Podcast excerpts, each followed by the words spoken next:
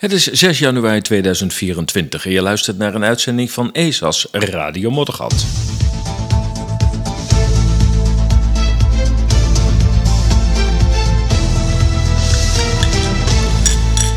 Ja, jongens, de koffie staat weer klaar, ook in 2024. Natuurlijk de allerbeste wensen. Want uh, ja, dat zullen we misschien toch wel weer een beetje nodig hebben dit jaar. Onze stand erbij houden, waakzaam blijven, sterk blijven. Alert blijven op alle dingen die, uh, die ook dit jaar weer staan te gebeuren. En vooral je niet gek laten maken. Gewoon af en toe eens een bakje koffie erbij.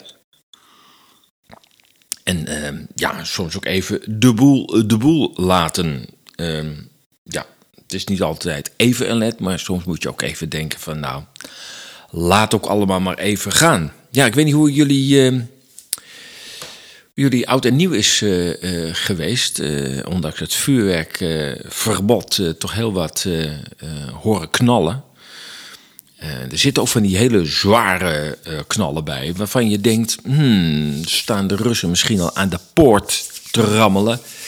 Maar het blijken gewoon vuurwerkbommen te zijn. En ja, ondanks de, de, de, de, de, generieke vuurwerkinitiatieven van gemeenten... die zeiden, nou, we gaan op een centrale plaats wel vuurwerk afsteken... Dan, uh, dan, houden we het in de stad een beetje rustig. Dat schijnt toch niet helemaal te lukken. Blijkbaar zit die traditie van het vuurwerk toch wel heel diep in de genen. En um, ja, zo zijn er blijken toch een paar tradities die niet helemaal aan te tasten zijn. Er wordt wel heel veel aanval gedaan op, op allerlei tradities. Uh, maar kan blijken dat uh, die van het vuurwerk, dat is kan blijken een hele, hele hardnekkige. Um, ja, vorige week uh, was er ook een radiomodder. Ik hoop dat je geluisterd hebt naar het interview met Dennis Paanstra van Police for Freedom.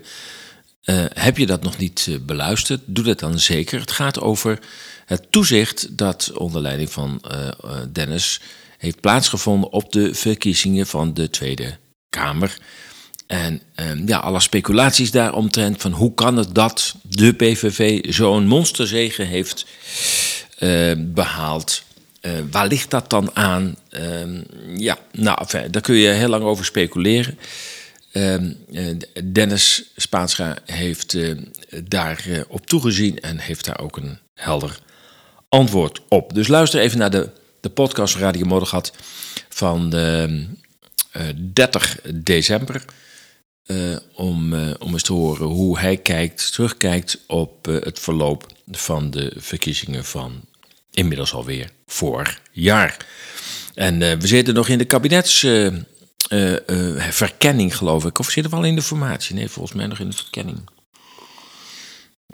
Ik hoop dat het niet te lang gaat duren, want zo, zo, zolang dat nieuwe kabinet in zit, uh, is Rutte gewoon in alle stilte zijn gang aan het gaan. Hè. Die, die probeert nog even heel snel wat puntjes bij zijn bazen te scoren bij de NAVO en bij de EU en bij de WHO. Dus die probeert nog even wat soevereiniteit in de uitverkoop uh, uh, te zetten. we hebben ons leger inmiddels weggegeven aan, uh, aan Duitsland. Dat staat nu onder Duits commando. Nou, wat je nog meer? Dan weet je in ieder geval dat je geen inval meer krijgt. Dat, want we vallen al onder Duits opperbevel. Nou ja, goed. Hoe dan ook, wat, wat, gaan we deze eerste uitzending van 2024 doen? Het wordt wat mij betreft het jaar van de geklaarde lucht. Verder natuurlijk de nieuwe rubriek Anders bekeken. En als laatste Chat GPT. Ik moet altijd even de volgorde uh, in de gaten houden. Is ongeschikt als journalist of politiek adviseur. Ja, het jaar van de geklaarde lucht, want het nieuwe jaar is begonnen. Een schone lei. Een kans om het beter te doen dan in het afgelopen jaar. Het jaar dat zoveel in nodeloze oorlogen het leven lieten, gevochten om de belangen van weinigen. Het jaar waarin volkeren niet het leven op eigen grond werd gegund. Bommen die levens uit elkaar deden spatten. Kinderen die hun volwassenheid niet zouden bereiken.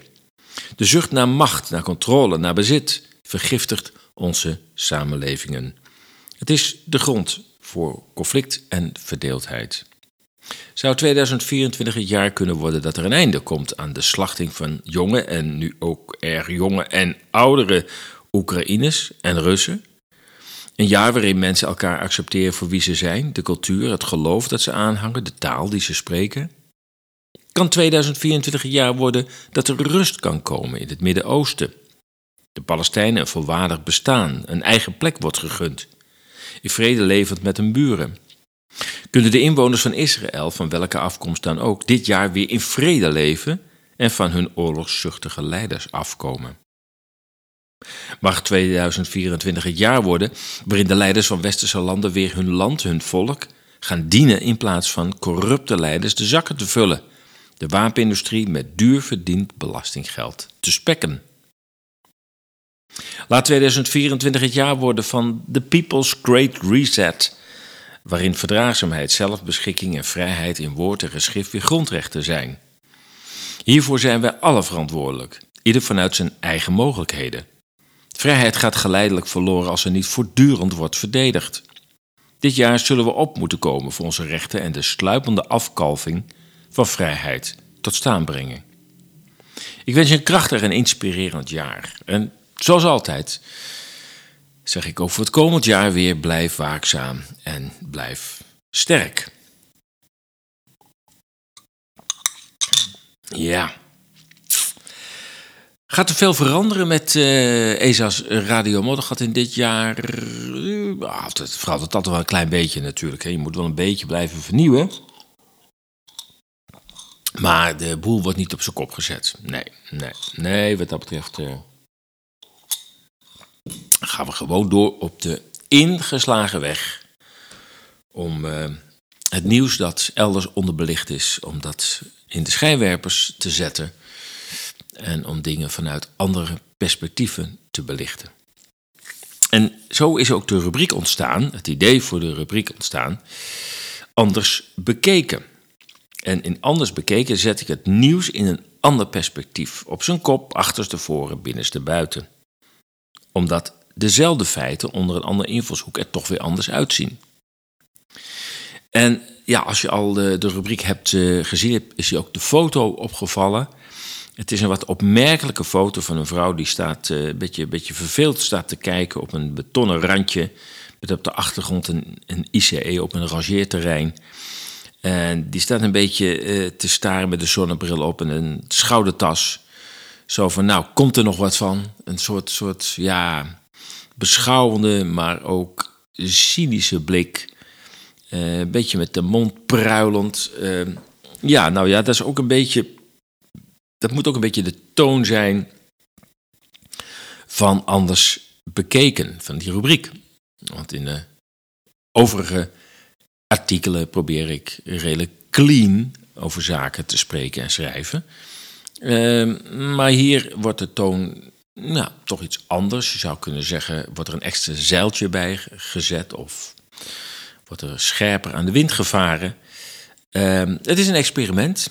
En zoals ook Ehm, de rubriek Onopgemerkt Nieuws. Nou, dat wordt goed gelezen, dus dat, dat blijft ook dit jaar gewoon uh, in stand. Dat is een vaste rubriek, dus altijd op de vrijdag.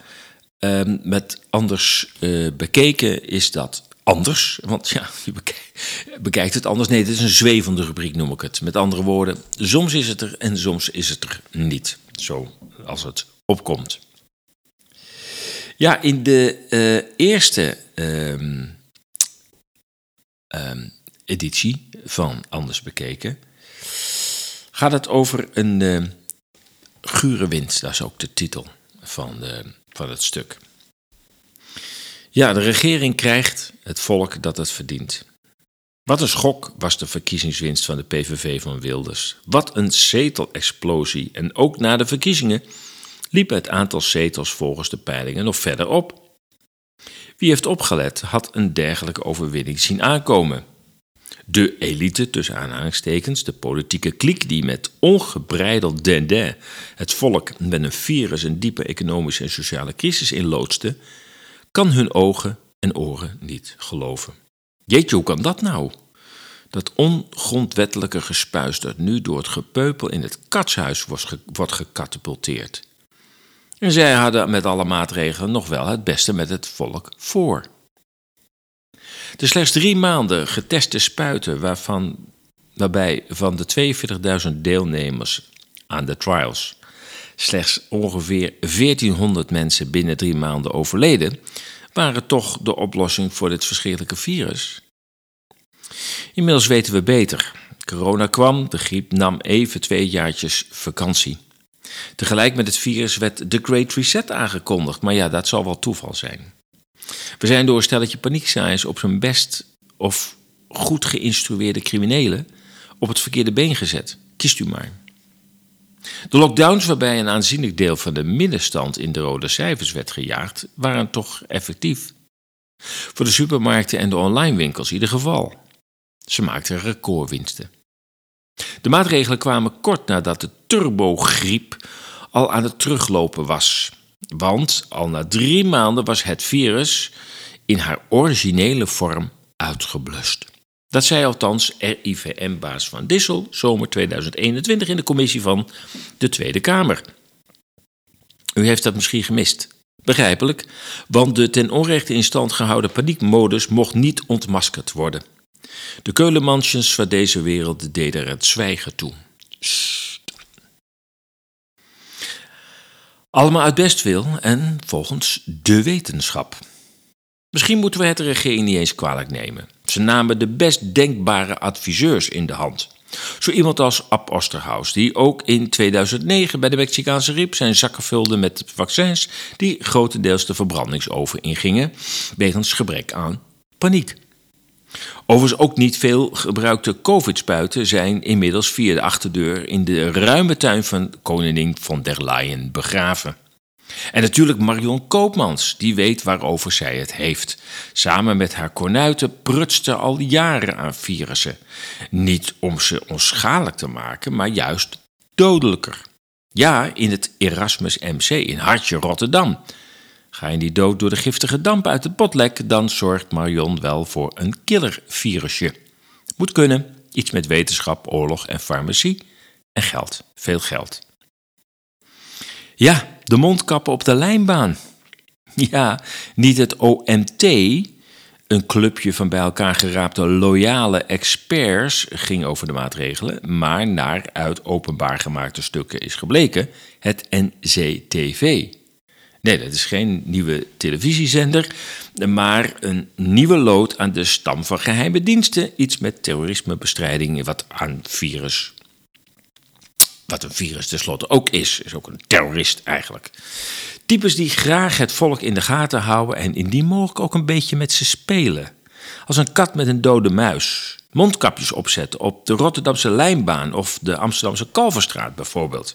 Kijk hoe gek we het publiek kunnen krijgen. Verdissel zei wel dat 200.000 mensen zo vochtig duizend dingendoekje moesten dragen om één besmetting, waarvan 99% van de mensen niet doodgaat, te voorkomen. Maar daar ging het niet om. Het was een gedragsexperiment.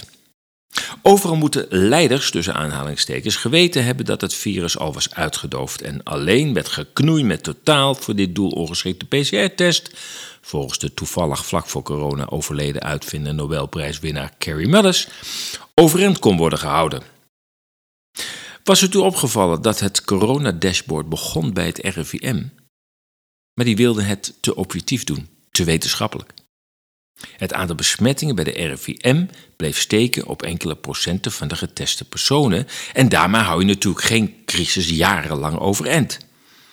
Hier dat dashboard, zei de prikleider De Jonge en in zomer 2020 kleurde op het Rijks Corona-dashboard zelfs Urk met één ja, uno besmetting diep paars.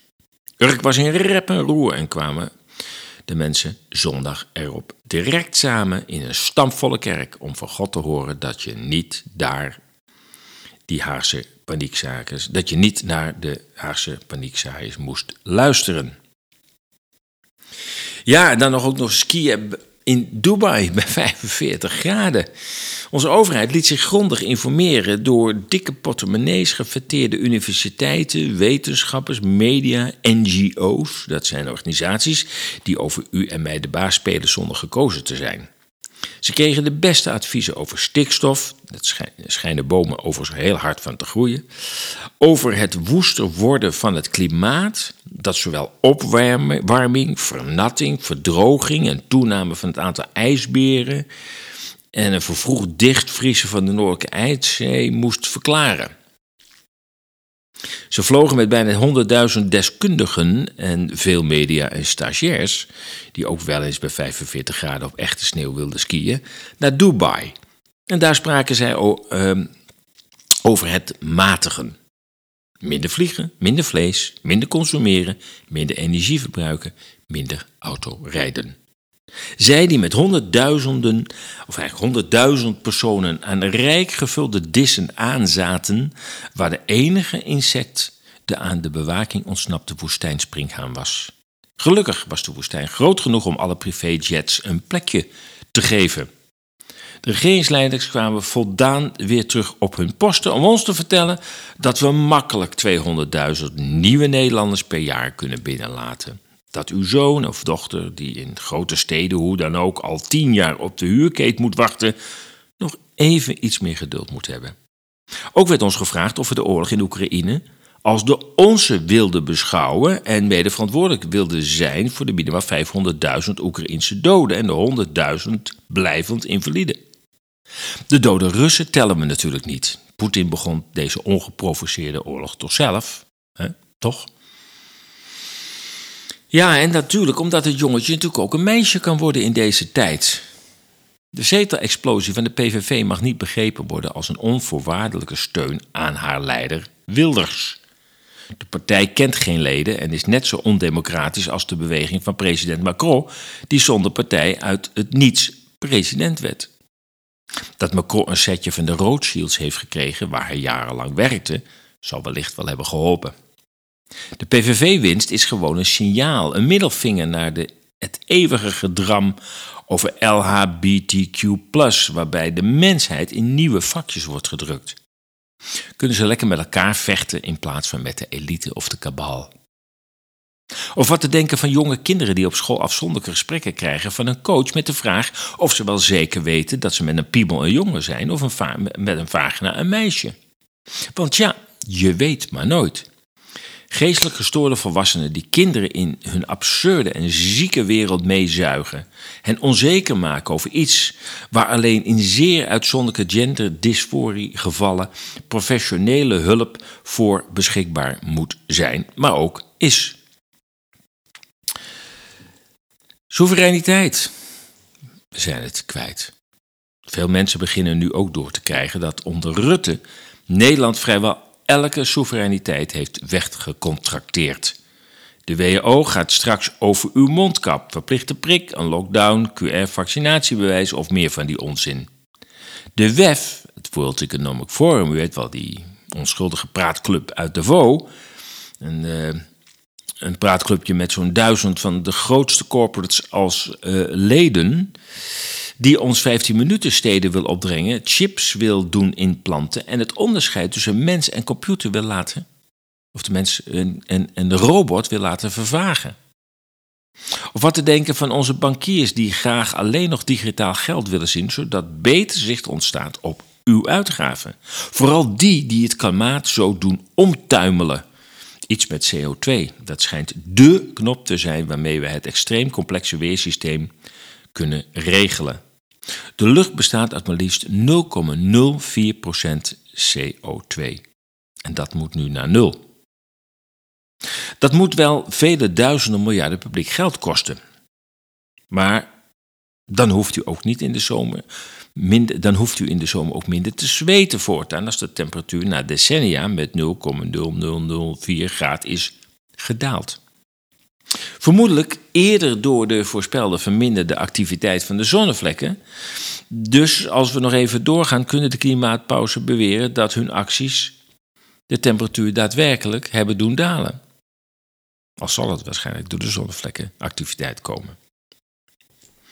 Ja, de voortdurende wappieberichten op internet waarin wordt beweerd dat de prikken niet zo gezond zijn, het klimaat niet gered hoeft te worden, de oorlog in Oekraïne toch echt jarenlang is uitgelokt, de Nord Stream toch echt door onze vriendjes is opgeblazen of de Israëli's wel erg bruut op de moorddadige aanval van Hamas heeft gereageerd. Dat soort berichten willen we niet meer zien op internet. Het is er immers geen democratie, denkt Eurocommissaris Thierry Breton de opvolger van Stasi-baas Erich Mielke, die ook geen tegenspraak dulde en de DDR vrijhield van oppositioneel geleuter. Er is tenslotte maar één pravda, Russisch voor waarheid. Complotten vieren hoogtij in de vrije media en internet en dat kunnen we hier niet hebben. De regering kent de waarheid, in het Russisch pravda, dat ooit de naam was van een krant in de Sovjet-tijd. Een periodiek dat nu digitaal een digitaal leven leidt. Dus u kunt het nog steeds op internet vinden.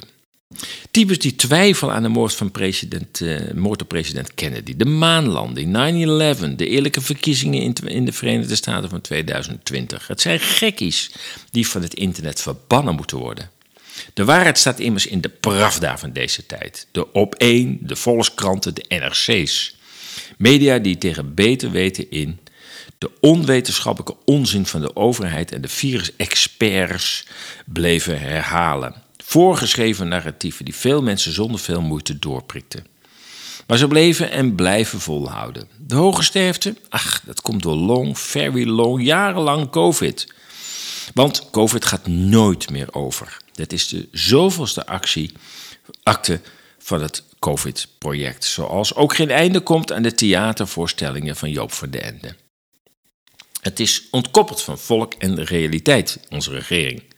Het eeuwige lieg, gelieg van de politieke en financiële opperbazen leverde hen aanvankelijke winst op. Ze werden door velen als helden beschouwd, als redders in de virale nood. Nu steeds meer mensen doorzien dat ze op veel punten belazerd zijn, is het spel uit. De leugenmachine dendert echter nog door, want is er een weg terug? Het handelen van de regering is niet meer gebaseerd op noden van het volk. Onze leiders zijn gevangen in kringen van elkaar, bevestigd om de academici, corporates, financials, pharma en wapenindustrie. Het geld rolt als nooit tevoren, maar niet uw kant op. De belastingen gaan snel omhoog, want 200.000 nieuwe Nederlanders per jaar moeten ook eten. Ook zonder genoeg soldaten moet het Oekraïnse leger van wapens worden voorzien om te voorkomen dat Poetin morgen met zijn moderne tanks het binnenhof oprijdt. En natuurlijk moet de kokende aarde eindelijk afkoelen. Onze politieke meute is, in, is alle verbinding met het volk, met de realiteit, verloren. En onze nieuwe hoofdstad is Berlijn. Want de elite, wat overigens een eh, verschrikkelijk woord is, maar misschien weet u een betere, drijft op illusies, op papegaaienverhalen. We moeten geloven dat het goed is om oorlog te voeren om het extreem corrupte Oekraïne, aangejaagd door de eveneens corrupte Biden-clan, om dat te redden. Of dat Georgië het volgende EU-NAVO-lid moet worden en we vast moeten oefenen voor een aanval op Rusland. Dan begrijpt u ook waarom de boeren moeten plaatsmaken voor militaire oefenterreinen en de inwoners van de Veluwe volgend jaar veel overlast van laag overvliegende helikopters moeten verdragen. Voorkomen moet worden dat de Russen na veel na met veel moeite het oosten van Oekraïne te hebben bezet, volgende maand toch even doorhuppelen naar Scheveningen. En natuurlijk is dat de reden dat het restje Nederlandse leger niet meer onder Nederlands, maar onder Duits opperbevel staat. Dat maakt een volgende Duitse inval overbodig. Nederland is de nieuwe deelstaat van Duitsland en onze nieuwe hoofdstad is Berlijn. Inmiddels steekt een gure wind op. Want steeds meer landen gooien de grenzen dicht. Ja, ook Schengenlanden. De gure wind van rechts doet de Brusselse en Haagse regeerders opschrikken. Zou het volk ons nu niet meer zo aardig vinden? Ik vrees inderdaad dat de meeste Nederlanders de buik vol heeft van de uitverkoop van onze soevereiniteit, de niet te verwerken instroom van veelal kansloze immigranten, het klimaatgedram met exploderende energieprijzen tot gevolg, de snelle groei van de voedselbanken en nog zoveel meer. Nederlanders en andere Europese volkeren ontwaken uit een boze droom en gaan zich bezinnen op een eigen Great Reset 2.0. Eentje die werkt voor de mensheid, waarbij de mens en de menselijke vrijheid en waardigheid boven alles gaat. Zonder uitzondering. Riemen vast, 2024 komt eraan. Ja, jongens, dat is dus de eerste aflevering van uh, Anders Bekeken. En uh, nou ja, als je een beetje als de afgelopen jaren hebt gevolgd, dan merk je dat daar een andere toon in aangeslagen wordt. Het is een opinie, maar wat scherp aan, aan de wind varend, zeg maar. Ehm, en ik denk dat, eh, dat we dit jaar ook wat scherper aan de wind moeten varen. Want het gaat gewoon niet de goede kant op als het aan de regering ligt. Ehm, misschien dat de nieuwe politieke constellatie in Nederland, maar ook zo hier en daar in Europa, uh, begint de tijd te keren. ja, wellicht dat we het, het, het, het ergste nog kunnen afhouden. Maar ja, als je alle voorbereidingen uh, ziet voor ja, een nog langere en misschien ook wel intensere oorlog met Rusland. Ja, dan denk je, dat moeten we toch zien te stoppen. Ik bedoel, het kan toch niet zo zijn dat je dat gewoon vrijwillig tegemoet gaat. Uh, ik kom uh, in februari nog met een artikel over de wederopstanding van Moskou. En dan laat ik je gewoon ook even zien. Uh, met een vrij recent filmpje van nog een paar maanden oud. Hoe Moskou eruit ziet, maar ook hoe mensen reageren. En, en ja, het is dat je, dat je weet dan dat het filmpje in Moskou is opgenomen. Maar, en dat ze Russisch spreken, dat je denkt, oh, het is geen Amerikaan. Maar als je die twee elementen, zeg maar de taal, uh, nee, als je, als je de taal even weglaat, dan lijkt het wel of je gewoon een straatinterview houdt uh, in New York of zo. Het is, alleen zijn mensen in Moskou wat beter gekleed. Maar goed, dat is een ander verhaal. De Berlijnlezing, die komt eraan. 1 februari op een donderdagavond uh, heb ik de eerste Berlijnlezing. Uh, als, nou, het komt niet een hele reeks, voor voorlopig is het meteen de laatste. Uh, het is gewoon een uniek, unieke lezing. Uh, ik ben, uh, voor zover je het nog niet weet, jarenlang gids geweest in Berlijn. Ehm, weliswaar woonachtig in Nederland, maar een aantal keren per jaar met groepen naar Berlijn. Dat, deed ik, sinds, dat doe ik eigenlijk al sinds 2009. de COVID-jaren hebben dat natuurlijk onderbroken maar uh, inmiddels weer uh, opgepakt. Uh, en nou, voor degenen die meegaan, die krijgen in deze lezing een soort vooruitblik. En voor degenen die niet meegaan, die krijgen dan toch een beetje de smaak te pakken van, ehm, van wat ehm, je te zien en te horen krijgt als je met me meegaat op de rondleiding door Berlijn. En die is in maart. Goed, 1 februari dus. Ehm, die, je meeneemt, die, je, eh, die meeneemt in de actuele ontwikkelingen in en met Berlijn als hoofdstad van de Europese geschiedenis en politiek. Ik laat veel foto's zien. Dus als je denkt, nou, het verhaal hmm, hè, vind ik wat minder, maar ik vind het wel leuk om al die Berlijnse plaatjes te zien. Je bent van harte welkom. Toegang is, is 10 euro, a contante betaling. Ik heb geen pinautomaat bij me. Uh, vrienden van ESAS betalen 5 uh, uh, euro. En je kunt dus nog lid worden. Dan word je in feite lid voor 35 euro. Hè. Zo, moet je het maar, uh, zo moet je het maar zien. Uh, ik zou uh, zeggen, op de website kun je daar meer over lezen. Heel boven aan de website ehm, staat een link. En daar staat deze informatie die ik net voorlees. maar als je denkt, nou ik heb genoeg gehoord, dan kun je je ook meteen aanmelden op het e-mailadres redactie.ezas.nl. Redactie.ezas.nl. En dan krijg je nadere informatie over waar de lezing plaatsvindt. We gaan naar uh, ChatGPT. Ongeschikt als journalist of politiek adviseur. Want jongen, jongen, jongen, wat een hype is dat chat. Uh, ik moet altijd die lettervolle horen, daar zit ik altijd mee te wassen. Uh, GPT. Maar goed, het verovert de wereld, dat is duidelijk. Dit taalkundige duizend dingen doekje kan vertalen, nepafbeeldingen maken, politici iets laten zeggen wat ze nooit gezegd hebben, gedichten schrijven, vertellen over de geschiedenis van Appingedam en artikelen schrijven. Wie vragen stelt, krijgt antwoord. Maar welk antwoord en wat is het waard? Kan het dienen als een adviseur van de regering? Nou, dat denkt Minister-president Nicolae uh, van de Roemenië, ik hoop dat ik zijn achternaam goed uitspreek, die denkt van wel. Want hij zegt, ik heb er een adviseur bij. Want in een bericht op uh, X, waar inmiddels uh, overigens uh, ESA's Rallye niet meer actief is sinds 1 januari, meldt de Roemeense overheid het volgende. En ik citeer.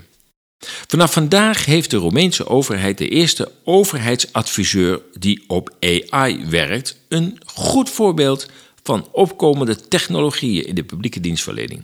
Felicitaties aan de onderzoekers voor dit project dat ons dichter bij de burgers brengt. Einde citaat. Dus AI moet de president, minister-president van Roemenië dichter bij de bevolking brengen.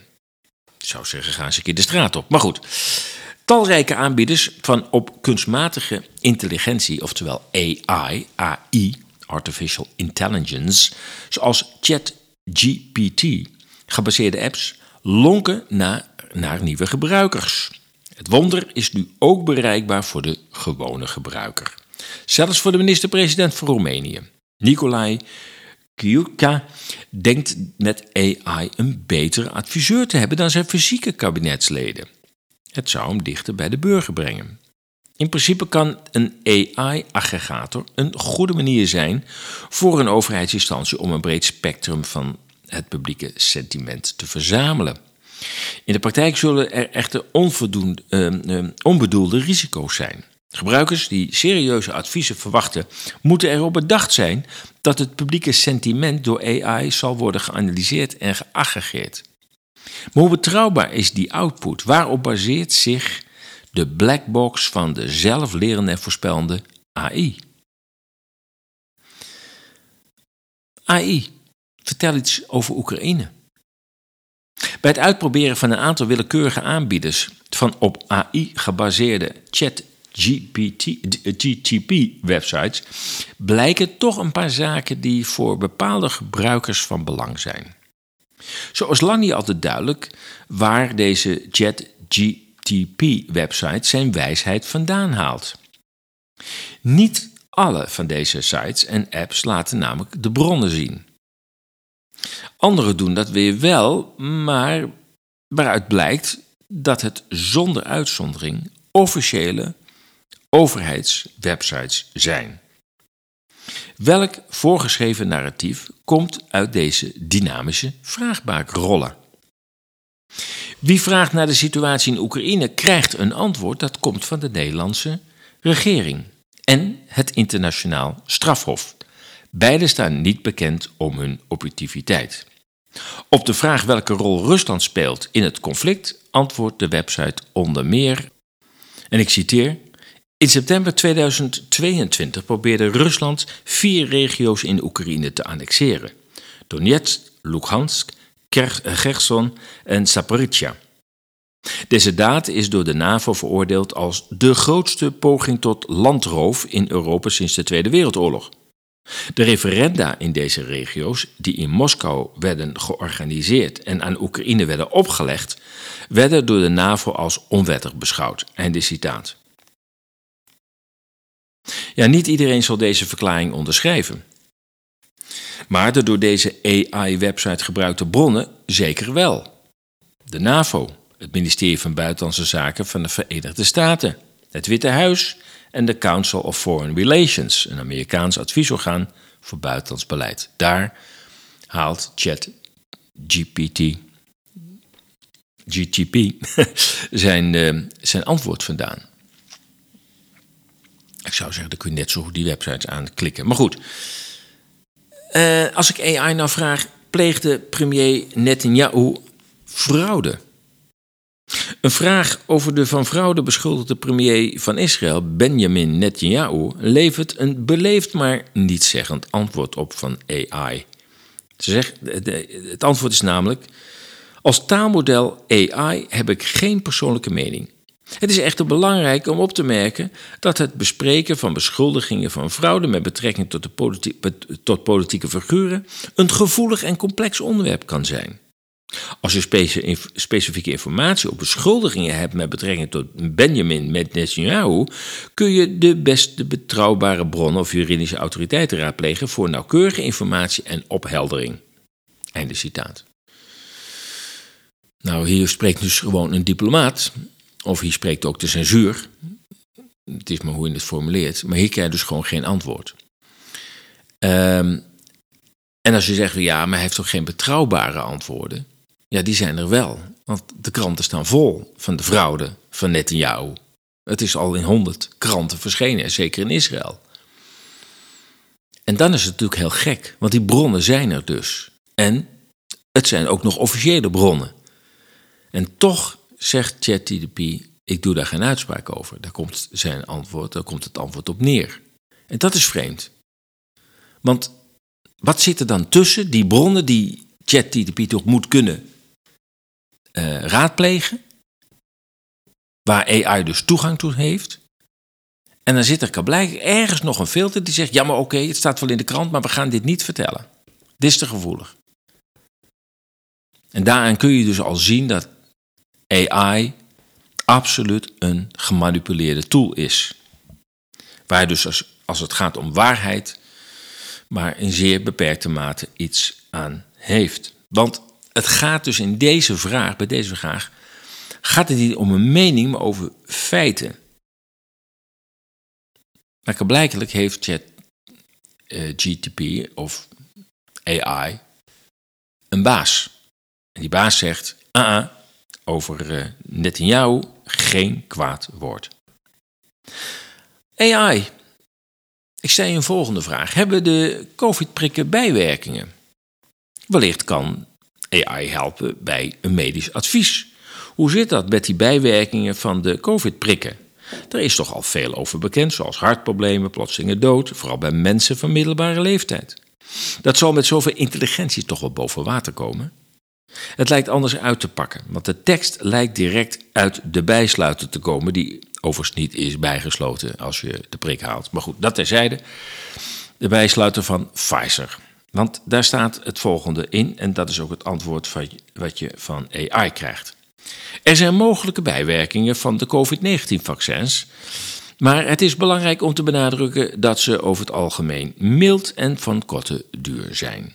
Enkele van de meest voorkomende bewerkingen zijn pijn, zwelling en roodheid op de injectieplaats, vermoeidheid of zwakte, etc. Allemaal tamelijk onschuldige en tijdelijke bijwerkingen. En het citaat gaat verder, het antwoord van de AI. Deze bijwerkingen treden meestal op binnen een paar dagen na ontvangst van het vaccin en verdwijnen vanzelf. In zeldzame gevallen kunnen ernstige bijwerkingen optreden, zoals een allergische reactie. Ik weet niet of daar de dood ook onder valt, maar goed. Daardoor, of nee, daarom worden mensen na het ontvangen van het vaccin meestal in de gaten gehouden gedurende een bepaalde periode. Het is belangrijk om te vermelden dat de voordelen van de COVID-19-vaccins opwegen tegen de risico's van de bijwerkingen. De vaccins zijn uitgebreid getest op veiligheid en doeltreffendheid. Nou, hier staat gewoon een leugen. Voordat ze werden goedgekeurd voor gebruik. Het is raadzaam om eventuele vragen of zorgen over bijwerkingen te bespreken met een zorgverlener. Einde citaat. Nou, dit is dus wat je krijgt van AI. En mensen die blindelings erin geloven, krijgen gewoon de bijsluiter te lezen van van Pfizer. Ja, dit is natuurlijk niet eh, de grote belofte van AI. Want die zou dus ook moeten zeggen. Er zijn ook alternatieve lezingen over de bijwerkingen. Kijk naar de, de, presentatie van, nou ja, uh, uh, noem maar iemand. Er zijn, er zijn er heel veel die hele fundamentele kritiek hebben geuit op die vaccins. En ehm, daar heeft AI het niet over. AI heeft duidelijk een baas. ChatGPT is duidelijk, uh, heeft duidelijk het motto: ga rustig slapen, hier is niets te zien. Het is erger dan een zoekmachine. Want AI presenteert zichzelf als een taalkundige zoekmachine, of in dit geval ChatGPT. Een die teksten kan lezen en schrijven. Die krijgt niet alleen maar links, maar zoals een gewone zoekmachine is het een veel. Uh, oh, je krijgt niet alleen maar links, zoals in een gewone zoekmachine. Uh, is het uh, verkoopargument. Hè? je krijgt echt een mooie tekst en niet alleen maar linkjes. Maar de bron van het antwoord is het wereldwijde web. En de waarde van haar inhoud bepaalt de waarde van het antwoord. Wat waar is en wat niet, kan ChatGPT niet bepalen. Toch lijkt deze vorm van intelligentie, tussen aanhalingstekens, een voorkeur te hebben voor officiële bronnen zoals grote bedrijven en overheden. En dan moet de regulering, lees censuur door de overheid, nog op gang komen. Want overheden lijken bevreesd dat mensen via AI op verkeerde ideeën komen, op valse informatie stuiten. Dat blijkt in deze beperkte proef erg mee te vallen of tegen te vallen, afhankelijk van hoe je er naar kijkt. Allemaal door de overheid goedgekeurde uitkomsten. Artikelen van andersdenkenden, op welk terrein dan ook, zullen niet zonder zeer gerichte zoekopdrachten boven komen drijven. En dat verbaast niet, want de zoekmachines laten die ook niet of nauwelijks zien. Volgens nog zijn veel chat-GPT-websites een slechte versie van een zoekmachine. Immers, die laatste laat links zien, waardoor de gebruiker zelf kan bepalen welke bron hij betrouwbaar of relevant vindt. Al lijkt een mist te eh, AI lijkt een mist te veroorzaken over de bronnen van haar antwoorden. AI kan helpen om een creatief gedicht of een code te schrijven voor het bouwen van een website of een app, een schoolopstel te schrijven over de Azteken of over de geschiedenis van Vlaardingen een, een stuk te schrijven. Maar journalisten, medici of politici doen er voorlopig goed aan maar even gewone zoekmachines te gebruiken om zelf te oordelen of de gevonden bronnen een begin van een antwoord op de gestelde vraag kunnen bieden. ChatGPT kan snel teksten schrijven als samenvattingen of papers of een onderwerp. Mijn kanttekening richtte zich dus echt op de bronnen van de uitkomsten. Dat is wellicht niet altijd relevant voor een scriptie of een samenvatting, maar over actuele en politiek beladen onderwerpen wil je de bronnen dus echt kennen. Chat, GPT en andere AI-tools werken als een staartmixer. Er komt iets uit, maar je kent de ingrediënten niet. Ja, dat is mijn observatie van de uh, AI. Ehm, ja, de ene vindt het een fantastisch wonder en de ander zegt ja, het is een beetje geknutsel in de marge. Uh, het is helemaal geen intelligentie, het is gewoon een gigantische databank die die raadpleegt, die internet al is. Uh, alleen hij probeert dat taalkundig uh, fatsoenlijk aan je te presenteren, maar vergeet erbij aan te geven uit welke ingrediënten dat stukje tekst bestaat. Want ook al zou er, staan er soms bronnen onder, dan weet je niet welk tekstgedeelte uit welke bron komt. Dus dan weet je nog niks. Nou, inmiddels heeft, ik denk dat dat ook de eerste is. Uh, sommigen zeggen er zijn al meer rechtszaken van, van, van vormgevers, van uh, Hollywood uh, scenario schrijvers. Maar dus ook nu van de New York Times, die zegt ja, maar we hebben toch wel ontdekt dat sommige teksten die in uh, AI naar voren komen, dat zijn gewoon letterlijk onze teksten uit de New York Times.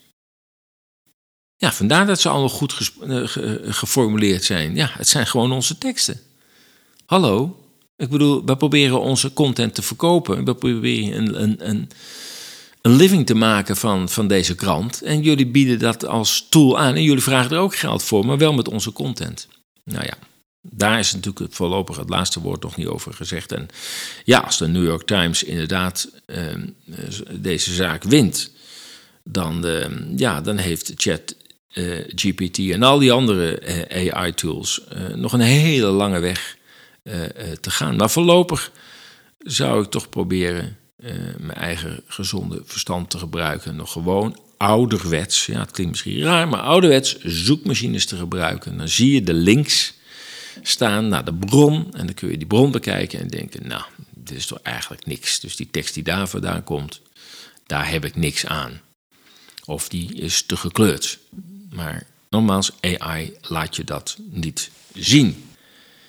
Ja, het nieuwe jaar is uh, weer begonnen. De, de, de, de, de spits is weer afgebeten, zoals dat uh, heet, met deze 108ste uitzending van ESA's Radio Moddergat. En we gaan dit jaar gewoon lekker door. En uh, we zien wel uh, ja, uit welke hoek de wind waait. Uh, laten we alert blijven. Het zijn eh, spannende jaren. Ehm, er zijn toch wel wat boze krachten ehm, aan het werk die onze samenleving er absoluut niet beter op maken. mocht je nog dat gevoel hebben dat dat wel zo is, dan zou ik zeggen: laat je naïviteit varen.